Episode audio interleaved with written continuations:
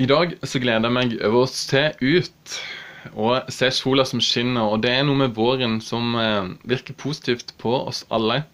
Eh, det gir en forventning om flotte dager, og mener vel alle at tida snart er der når vi kan legge koronaviruset bak oss eh, for godt.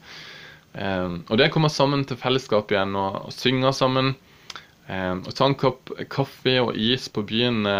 Åh, det skal bli så deilig. Og så eh, har ellers lyst til å sette litt fokus på det som skjer på skolene våre. For NLM driver en fantastisk skolevirksomhet. og her i Region Sør så har vi tre skoler med til sammen flere hundre elever. Kvitsund og Drottningborg videregående og Drottningborg ungdomsskole.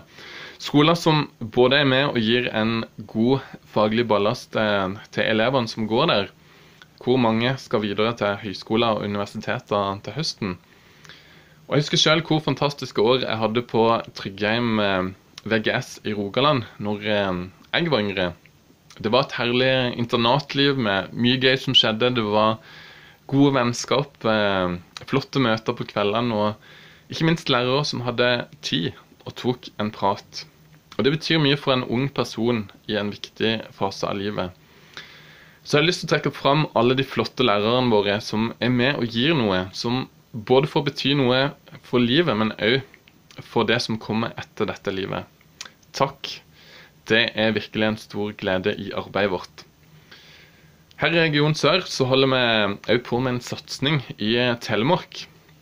To nye ansatte går i gang med forsamlingsbyggende arbeid og barne- og ungdomsarbeid eh, der fra høsten av. Det blir en spennende vei, og vi håper å få være med og realisere visjonen 'Verden for Kristus' i mennesker sitt liv i Telemark eh, i tida som ligger foran.